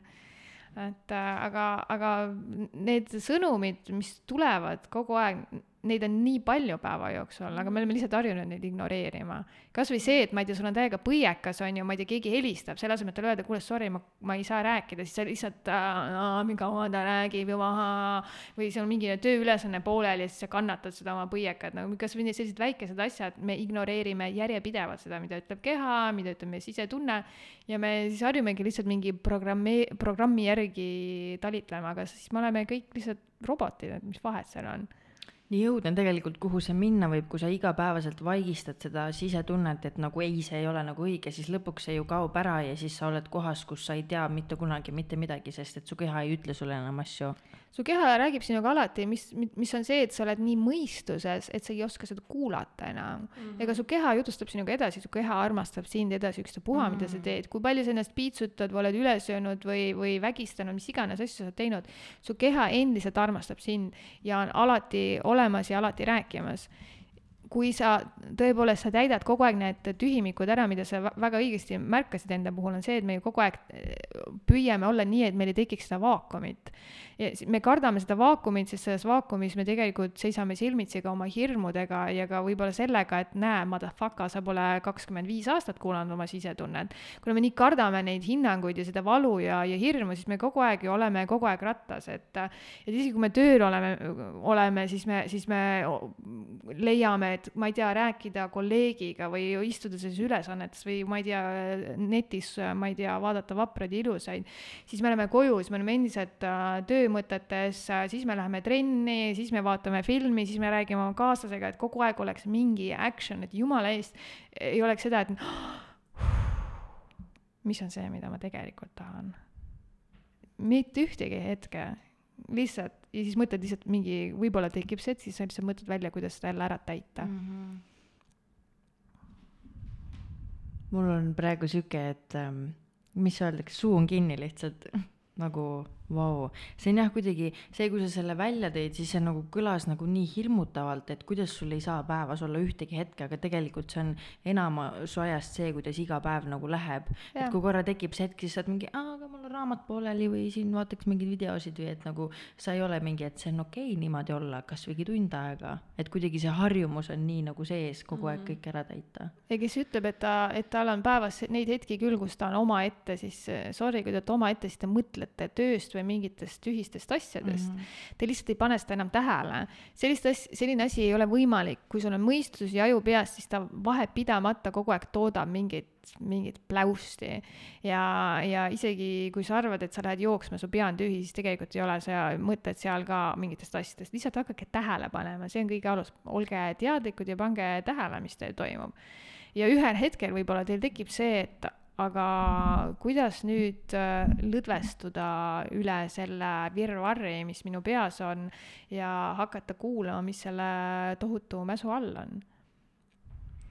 Jah, siit ma tahakski tegelikult küsida ühte küsimust, et ma lugesin ühest äh, jah, sinu lehelt äh, sa olid kommenteerinud vastu ühele inimesele, et äh, see oli hästi tabav kommentaar, mulle väga meeldis see, et äh,, et seal oligi, et nagu mugavustunne ja harjumus võrdub automaatika, võrdub omakorda teadlikkuse surm ja võrdub omakorda elusurm. et äh, siit küsikski, et palju sa ise siis tähele paned, et mis sul mis tegevused ja mis sul tuleb automaadi pealt ja mis tuleb siis iga kord nii-öelda valitult olenevalt olukorrast? ma, ma ei oska seda protsentuaalselt välja tuua, sest äh, mit, mitte ükski päev ei möödu mul teadlikkuseta, kus ma ei pane tähele seda, mida ma teen või kuidas ma olen aga loomulikult on mul ikkagi väga palju juurdunud äh, programme, kus, kus ma reageerin automaatika baasil. ja siis on see, et, et isegi kui ma reageerin automaatika baasil, siis ma panen seda ka sel hetkel tähele, et ma reageerisin praegu lähtuvalt vanadest mustritest ja haavadest, või siis on see, et ma nii-öelda toon selle teadlikkuse juurde siis kas vahetult pärast reaktsiooni, ma saan sellest äh, aru. ja minu jaoks on see lihtsalt igapäevane praktika, et kogu aeg äh, liikuda sellesse märkamisse, aga see on, see on nii kohutavalt raske, et, et isegi siis, kui ma ronin äh, söögiga arvuti taha ja, ja ma söön veidikene arutult, siis samal ajal mul on ka see teadlikkus, kes paneb tähele, ahaa, sa sööd arutult praegu. et äh, aga, aga, ja mingi osa minust ütleb, ma ei viitsi lihtsalt praegu. Ja siis on see teadlikkus, mis ütleb, okei okay,, kui ei viitsi, siis ei viitsi, et ma saan aru, et ma söön praegu arutult ja see on okei. Okay et äh, ma ei üritagi püüelda sinnapoole, et, et kogu minu elu saaks meditatsiooniks, kui see juhtub, siis juhtub. see, et kui sa sööd, siis sa täielikult keskendud nendele tekstuuridele, värvidele, lõhnadele, maitse, icingutele, tajud seda, et su kõht on nüüd täitunud, sul ei ole vaja rohkem võtta võtta, et sa tead, kui sa rohkem võtad, sa võtad emotsiooni baasil lihtsalt, et täita neid tühimikke, aga selle asemel sa lõpetad, siis sa ja nii edasi, nii edasi, nii edasi, et nagu kogu su päev on lihtsalt üks sügav meditatsioon. et äh, meil on kujutelm, et umbes me peaksime sellesse liikuma, et olla tõeliselt spirituaalsed ja kontaktis, aga ma hetkel ei pea seda nagu nii oluliseks, et minu jaoks on see nii palju, kui mul seda teadlikkust on, et see on piisav ja, ja kui seda ei ole, siis ma ei nuhtle ennast selle pärast, et näed, jälle kaotasid kontakti ai, ai, ai, ai, ai. Mm sellega tuleb mul meelde, et ma olin äh, kunagi Vaikuseminutite projektis ja siis seal oli sihuke harjutus, me pidime pähklit sööma niimoodi mingi viis minutit või noh, me pidime nagu, võtsime selle kätte ja siis mingi katsusime seda, panime silmad kinni ja siis panime suhu ja siis mõtlesime ja mis, mida me tunneme, kõik jagasid ja et see oli nagu mm -hmm. sihuke hästi tunnetuslik kõlas väga sensuaalselt ma olen, ma olen ju ka laagrites, et kui meil on ka söömised, me teeme seda samamoodi vaikuses ja, ja esimene söömine on ka samamoodi juhendatud, et alguses äh, märgata neid värve ja tunda seda temperatuuri ja siis äh, lõhna ja nii edasi, nii edasi. et, äh, et luua seda teadlikkust juurde, aga, aga samas ma nagu ei eelda seda, et inimesed lähevad ära ja siis nad hakkavad kõiki oma söömiseid selliselt tegema kuigi ma isiklikult eelistan eh, ise süüa ikkagi vaikuses, et kui noh, kes on minu lähedased inimesed, need teavad seda, et, et kui, kui meil on söömine, siis eh, noh, meil ei ole mingi suurt seltskonda, siis, siis ma armastan seda, et kui me oleme kahe või kolmekesi, et siis me sööme vaikuses ja, ja keskendume sellele söögile. Mm sa oled ennast võtnud alasti ka seitsme tuhande inimese ees räägime mitte otseselt, mitte otseselt no sa saadki sellest nüüd rääkida kohe ja ma seda ütlesin metafoorselt, Mhm. et, et kui, kui küsisid, et noh, et on mingeid teemasid, mida nagu, mida me ei soovi jagada, siis, siis ma ütlesin, et nagu, et ei, mul ei ole nagu selliseid teemasid, et see on siuke hea catchphrase, mida saab kaanepildile panna, vaata, et Pamela on ennast alasti võtnud mm -hmm, poole Eesti ees jaa. vaata, et nagu kliki siia. Pamela Maran võttis tuhandete inimeste eest ennast alasti. elu kakskümmend neli kirjutab praegu. et, äh, et ma mõtlen hingelises mõttes, et, et aeg-ajalt äh, mu ego annab samuti märku, et noh, et kas sa peaksid sellest kirjutama, et vaata, nad mõtlevad, mis nad sinust mõtlevad, et kui, kui äh, kui katki sa oled või kui haavatud sa oled ja, ja, ja mingid hirmud, et noh, et aga kes tahabki umbes sinu juurde pöörduda, kui sa nii kuradi sassis oled omadega. aga ma märkan seda poolt ka endas, mis, mis neid hinnanguid jagab ja, ja sellest hoolimata ma jagan edasi. Et äh, mis iganes need äh, haavad või, või valud või, või pettumused või, või mis iganes asjad, mis on seotud sellise inimpsühho- äh,, psühholoogiaga ja psüühikaga, need on kõikidel inimestel olemas. me oleme kõik inimesed, mis tähendab seda, et me kõik äh, vihastume ja ärritume ja inimesed, kes väidavad, et nad seda ei tee, siis nad on lihtsalt allasurujad, sest reaalselt, kes on jõudnud sellisesse seisundisse, et ta kunagi ei vihastu, siis äh, sa- saatke mulle telegramm sealt Tiibeti kloostrist et, et niikaua, kuni me oleme selles inimese kehastuses, siis, siis, siis need asjad on loomulikud ja, ja, ja miks ma jagan, ma tahaks jagada seda, et, et, et see ongi okei okay. et et on okei okay olla inimene. on okei okay tunda neid tundeid, mida me oleme siiani lahterdanud äh, negatiivseks ja halvaks ja, ja et see kuulub katkisele inimesele või, või sassis inimesele või, või, või noh, mis iganes silte sinna saab juurde mõelda. et, et kui ma jagan, siis ma jagan ka sellest seisukohalt, et, et jaa, olen selline ja see on okei okay. ja tead, kui sa tunned nii, siis, siis, siis tea, et, see on okei okay.. et me oleme, me oleme samas kohas ja tea, et see koht on okei okay jah, nende siltide külge panemisega väga kiirustatakse, just nagu sa ütlesid, et kui sa oled vihane või kurb või armukade, mis iganes, et siis sa oled automaatselt see inimene mm. -hmm. et jah, huvitav kultuur. no see on noh, mõistetav, me oleme ju kõik üles kasvatatud nii, eelnevad põlved on üles kasvatatud nii ja on väga keeruline välja tulla sellest hinnangute maailmast.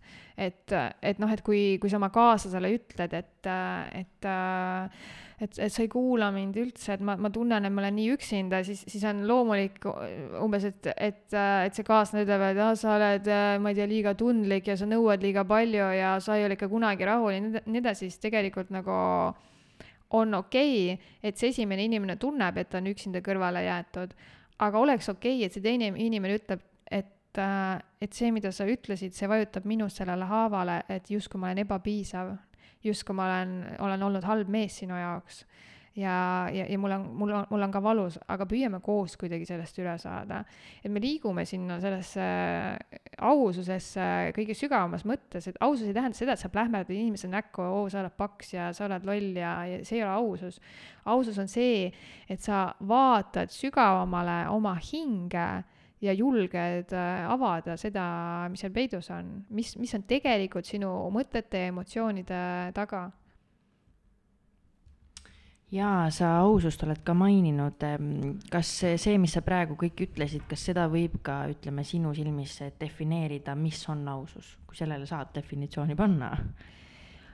kuidas keegi defineerib, aga mina, mina defineerin siis nii, et, et see on ausus, kui kui sa suudad minna selle näilisuse alla ja, ja aru saada, et, et aga miks sa tunned ennast üksikuna suhtes või, või, või miks sa tunned, et see teine inimene on sinu arvates liiga tundlik ja, ja, ja ülemõtleja. et mi, mis on see tegelik äh, sinu emotsioon, mis paneb sind neid hinnanguid jagama. et äh, see ei ole lihtne esiteks nõuabki seda teadlikkust, et kõik sinu reaktsioonid, emotsioonid äh, tulenevad sinu programmidest, mis on sulle sisse kodeeritud. ja teiseks äh, selle programmi all on teine programm, mis ütleb sulle, et sa ei ole piisav ja sa käitud halvasti ja teed halvasti ja sellest tuleb. ja samas äh,, et selle kõikide nende programmide all on lihtsalt hing, kes otsib ühendust Mm, Need inimesed, kes sulle kirjutavad ja eh, me kõik tahame muutust mingitel hetkedel oma elus, et eh, mis eh, sina välja tooksid, mis on sinu parimad sellised arusaamad, nipid, mis on loonud või loovad muutusi sinu elus? lõdvestuge, muutus tekib iseenesest, et äh, kui sa tahad muutust, siis see, kes tahab muutust, on ego. ego, mis ütleb, see, kuidas sa praegu oled, ei ole piisav. See, kuidas sa oled, see ei toimi praegu, see, kuidas sa oled, ei, ei ole hea. ja, ja siis e-, ego otsustab, et nüüd ma tahaks muutust ja, ja siis ta hakkab leiutama taaskord viise, et, et kuidagi oma seda kihti, mis tal nagu anyway on, kuidagi veel tugevdada ja, ja, ja võimendada. et siis pärast endale õle patsutada, et kus ma olen ikka nüüd muutunud, ma ei tea, mediteerin iga päev viis tundi ja laulan mantraid ja, ja käin äh, tantralaagris igal nädalavahetusel ja siis. käin siis, sellel koolitusel ja kolmandal ja. koolitusel ja loen äh, mingi väga palju ja. raamatuid ka korraga kõik ja ei ole nüüd reiki, reiki meister, et, et sorry, dude, sa oled lihtsalt vä väga kvalifitseeritud egomees ja, ja kogu komme et äh, tahtmine midagi muuta on ego, et lihtsalt pange seda tähele, iseenesest on see okei okay,, et taaskord, et sa ei hinda seda, oo, mu ego tahab muutust, on ikka motherfucker. et, et lepi kõige sellega, mis sul peas kogu aeg üritab midagi uut välja mõelda, ego on, pidi olema loll nagu lammas, aga kaval nagu kümme hunti, et et ta leiutab lihtsalt kogu aeg viise, et olla, et olla miski selle asemel äh, lõpetada ära see olemine ja, ja lihtsalt äh, lasta asjadel kulgeda. Millest ma rääkisingi, see, et on elu-surm, elu on liikumine ja, ja, ja loomulikkus. ja, ja kui me kogu aeg üritame tehniliselt midagi teha ja, ja muuta ja, ja olla miski moel, siis, äh, siis me oleme lihtsalt järgmise programmi endale peale kodeerinud ja kogu moos on sul perioode ka, kus sul üldse nagu ei tule ühtegi postitust sinna äh, leheküljele, mingi kuu aega näiteks?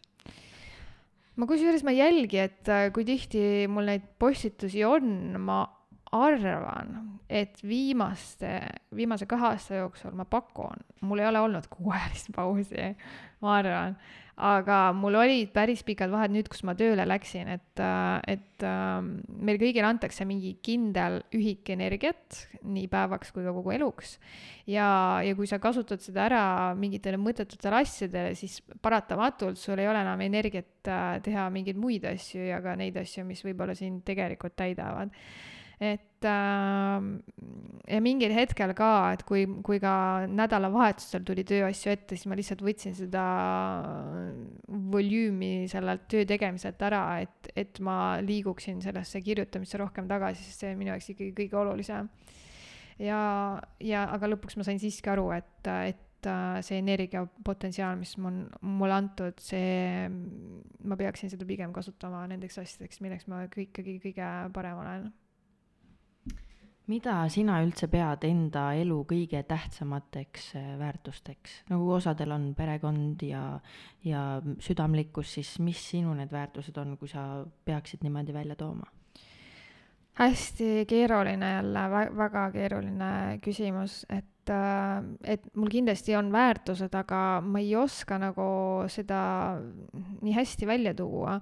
et äh, ma ei ole väga pereinimene, ma pean ütlema, et Äh, ja, ja ma olen sellepärast ennast piitsutanud, kuna noh, mul on ju tütar ja, ja siis oli abielu ja, ja, ja kõik muu, aga ma olen sellest aru saanud, et äh, see elu, mis mulle antud on, et ma, ma ei pea süüd tundma sellepärast, et ma olen nii nagu enamik naisi, kes hirmsasti tahavad äh, lapsi saada, nad tahavad äh, pühenduda lastele ja sellele kodule ja, ja, ja, ja kogu sellisele nii-öelda perekonna sootsiumile, siis äh, minu jaoks ei ole see kunagi tähtis olnud. loomulikult on mul, mul tähtis olnud see, et, et ma teen süüa ja, ja, ja armastan neid inimesi, aga minu jaoks on tohutu pingutus käia laste lapsevanemate koosolekutel või ma, ma teen neid asju, aga, aga need ei ole minu jaoks nagu sellised jee, uhuu, aktus. Et, äh, et ja kui mul ei oleks äh, üllatuslikku last tekkinud, siis ilmselt mul ei oleks siiani last ja ma arvan, et võib-olla ei tuleks ka mitte kunagi last, sest, sest äh, ma lihtsalt ei ole seda tüüpi, õnneks mu endine abikaasa on absoluutselt võrratu ema ja äh, ta on muidugi isa ka, aga, aga, aga ta on nagu täitnud ära selle poole, mis minus nii-öelda puudu oli, aga ma ei ole ennast selle pärast piitsutanud, see minust puudu on olnud ja ma ei saa nimetada ka väärtuseks seda, seda üksi olemist, et ma väärtustan väga üksi olemist, et, et see on mingi taaskord lihtsalt üks minu loomulik olemise viis, et mulle väga meeldib üksinda olla ja mulle väga meeldibki mõtiskleda ja, ja, ja, ja rääkida ja, ja hinge avada, et äh, need on lihtsalt mingid osad minust, kuidas ma toimetan, aga need ei ole nagu väärtused, äh, mida ma tohutult promon, et vot elage niimoodi, et siis kõik on hästi, et noh, näiteks äh, Mari Metsallik mm, võrratu ähm, loodusaldjas tohutult promob seda, seda just nimelt pereväärtuseid mm. -hmm. aga noh, mul on tunne, et me peaksime ka aktsepteerima seda, et kõik naised ei ole sellised, et äh,, et äh, see ei ole ainus tee, et, et kui sa järsku hakkad oma meest ümardama ja, ja, ja kodukeskne olema, et siis saabub õnn. et see, et see käib paljude naiste kohta ilmselt aga samas on väga palju naisi, keda see ei kõneta ja, ja me, me peame jälgima oma sõnu, et me ei tekitaks süütunnet nendesse, kellega meie vaated ei süngi. Et, ähm, et, et ma ei taha ka oma ütlemistega tekitada süütunnet neis, kes on tohutult perekesksed, et umbes, et ei, et see tõeline äh, ühendus tekib siis, kui sa ikka kõik maha jätad ja üksi oled, et, äh, et, et ei, endiselt järgida oma südame häält ja olla selles meil oli siin üks küsimus, et mis oleks sinu arust tähtsaim soovitus, mida sa tahaks, et iga naine kindlasti vähemalt korra elus kuuleks, siis see vist ongi see, et jälgi oma südame häält. ja kõige olulisem võib-olla isegi on hoopis see, et aktsepteeri ennast nii, nagu sa oled ja kuidas iganes sa oled, kui sa oled, äh, ma ei tea, näägutad oma kaaslase kallal, aktsepteeri seda poolt iseendast, et mitte pärast tunda süüd, ahah, ma jälle, ma ei tea, rikkusin õhtu ära, mis iganes või või sa oled ületöötaja, näiteks sa oledki ületöötaja ja, või sa oledki oma sisehääle eiraja, et sa ei võtaks vastu neid kontseptsioone sellest, et kuidas tegelikult sa peaksid olema, vaid, vaid see, kuidas sa juba oled, see on, kõik on väga hästi.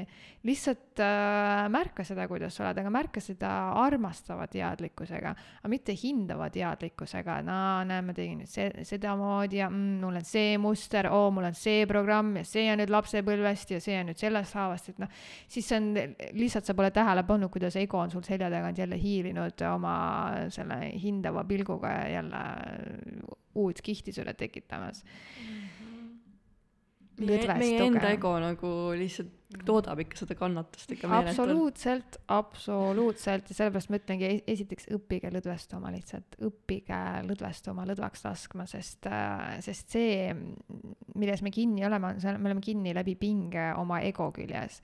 ja, ja ma olen seda kohanud nii palju selles hüpnagoogilises seisundis, kuidas see, kuidas see ego taandub, et isegi siis äh, mul hiljuti oli lahkuminek ja mis oli tohutult, tohutult valus ja ma sain aru kõikidest mineviku mustritest, mida see äratas, bababaa. aga sel hetkel, kui ma seal hüpnagoogilises seisundis olin, siis ma tundsin seda nii selgelt, kuidas, kuidas ma vajusin sinna südametasandile ja siis ma ja mõi-, ja taaskord su teadvus on väga terav sellel hetkel ja sa mõtled, aga mit-, mingit valu ei ole, seal ei ole absoluutselt mingit valu. et kui ma tõusen taas ärkvel, ma tunnen jälle seda südamevalu, nii raske ja kõik, aga sellel südametasandil, seal, kus sa sügavalt lõdvestud, kus, kus sa sellest egost lahti lased seal ei ole mingeid hinnanguid ja seal ei ole valu, kurbust, mitte midagi nii-öelda negatiivset, seal ei ole ka mingit, ma ei tea, juhuu, valgustunud ja ma ei tea, eluõnn, vaid seal on, seal ongi selle kõige aktsepteerimine, kuidas see on ja, ja mõnes mõttes mingi puhkus ehk siis sellel, kuidas ma ütlen, sellel sada protsenti neutraalsel lehel sinu alateadvuses tegelikult ei olegi neid meeletuid emotsioone, mida me tavaliselt arvame, et me tunneme. See seisund on küll alateadvuse äh, nii-öelda ligipääsu seisund, aga nagu mina tajusin seda südame tasandile laskumist ehk siis äh, hi-, hinge, hinge, hinges olemist et äh, sinu hing on valinud äh, selle teekonna välja ja, ja ta on nii ihanud neid, neid äh, pettasaamiseid, mahajätmiseid, valusaid vanemaid, sõltuvusi, kõike, kõike, su hing on valinud ja ma tean täpselt, need asjad tulevad. ma tean, et tulevad need lahkuminekud, ma tean, et tuleb see töölt minema saatmine ja need ja need ja need asjad, jaa, palun, ma tahan, ma võtan nad kõik vastu, ma tahan kõike seda kogeda. ja siis sa tuled sellesse inimese kehasse, kus on mõistus oma egoga, ei taha valu mm. tunda mm., ei taha seda, ei taha neid kannatusi ja kuna sa oled selles, selles mõistuses nii kinni, siis on see, kus tegelikult see kannatus algab. ja kui sa laskud sellele südametasandile, siis sa märkad seda, et, et ta võtab kõik vastu ta võtab kõik vastu, mis, mis elu pakub, need, need valud ja, ja lüüasaamised ja kõik asjad, siis ta kogeb ja kogeb ja kogeb ja, ja ta, ja ta, ta tähistab elu selles südametasandil.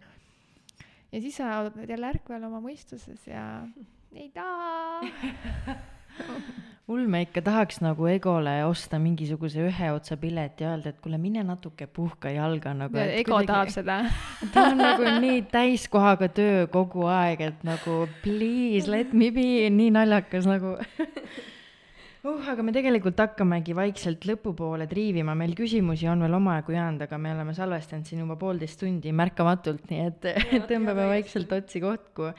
Äh, ma küsiks siia lõppu veel ise siukse tiibi küsimuse, et kas sina tead enda elu mõtet või eesmärki, et kuidas sa liigud selle poole? ma arvan, et kui ma midagi vastan, siis seda vastab minu ego, mis tahab äh, paista väga tiip ja nagu see küsimuski. et äh, ma võin arvata, et ma tunnetan seda vastust, aga, aga ma tegelikult äh,, ma ei tea seda, aga ma arvan, et see tee, mida ma astun, see ongi minu elu mõte et äh, praegusel hetkel äh, see tee, kus, äh, kus ma mõtestan maailma lahti, mõtestan lahti seda inimpsühholoogiat, neid, kuidas valud ja kannatused tekivad ning et ma jagan seda inimestele ja see pakub nendele inimestele seda lohutust ja taas teekonda koju iseendani, seda ühendust, siis antud hetkel see ongi minu elu mõte.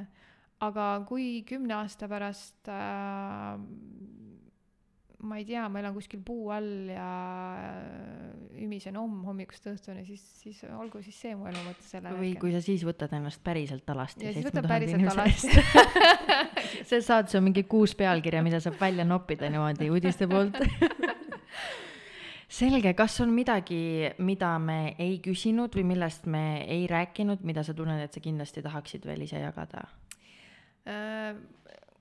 Võtame vastu selle teadmise, et kõik, mida te küsisite, oli kõige vajalikum, mida oli vaja küsida. see, mida ma rääkisin, oli see, mida oli vaja antud hetkel rääkida ja need, need inimesed kuulavad, kes pidid sel hetkel olema seal taga, seega kõik oli ideaalne. nii ilus, kas Elis, sul on veel küsimusi? ei ole, kusjuures mul on äh, kõik.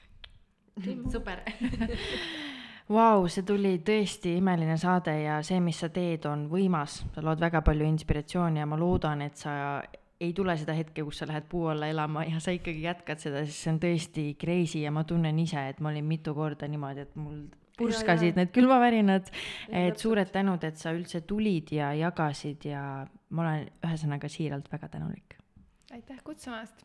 ja samad sõnad täiesti, et äh, nii linnulennult möödus see mm. äh, noh, üle tunni aja siin tund-poolteist korstiga. jaa, täiesti, et ükskõik, ma vaatasin mingi kuus, kümme ja nüüd oli juba mingi seitsekümme ja pool kaheksa. oota, aga seekord siis nii, kuule, kui sulle see saade meeldis, siis äh, jaga, share'i, like'i, kommenteeri, anna tagasisidet ja. Oh.